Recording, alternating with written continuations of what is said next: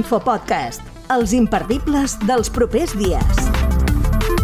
Fa unes setmanes va inaugurar a la Casa de Cultura una nova mostra col·lectiva de Firart que porta per títol La finestra indiscreta i on el boyerisme és el tema central dels treballs de les obres que s'exposen dels artistes de l'entitat.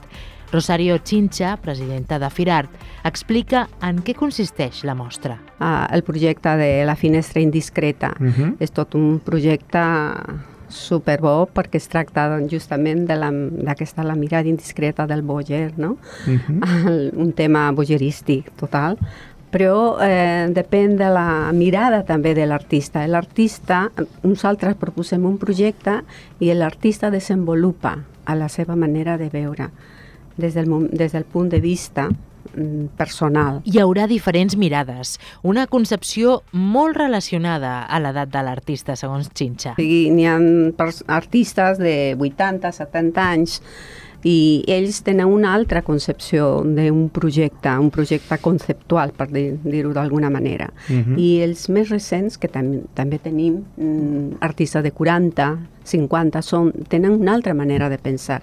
Doncs aquí eh, l'enfoc del el punt de mirada d'un projecte és diferent. És completament diferent. La presidenta de l'entitat, Rosario Chincha, resumeix la història de Firart al programa Entitats. Van començar al 94 pues, per una iniciativa justament d'artistes com la Begoña Valcàrcel, l'Adolf, artistes uh -huh. de, del poble. Doncs mira, va començar a créixer, quasi al 2000 ja eren 100 socis, i, i ara va haver-hi una temporada que va baixar, no? del 2000 al 2008, 9, va baixar una mica, doncs ara, a partir del 16, el 18 van començar a remuntar i ara podríem dir que estem bé, amb 80 socis. 80 socis i alguns reptes, com explica el membre de la Junta, Jordi Márquez. Tenim un parell de reptes com a Firar per davant i una és, jo he pensat el dia ella dels artistes de 70 o 80 anys, la veritat és que l'edat mitja de, de Firar és, és bastant elevada i ens costa atreure jovent.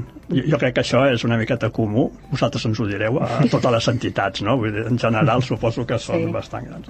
L'altre repte nostre és, és aconseguir que s'acosti, que s'integri més socis a la, a la Junta. La mostra La finestra indiscreta es podrà veure fins al 2 de desembre a la Casa de Cultura.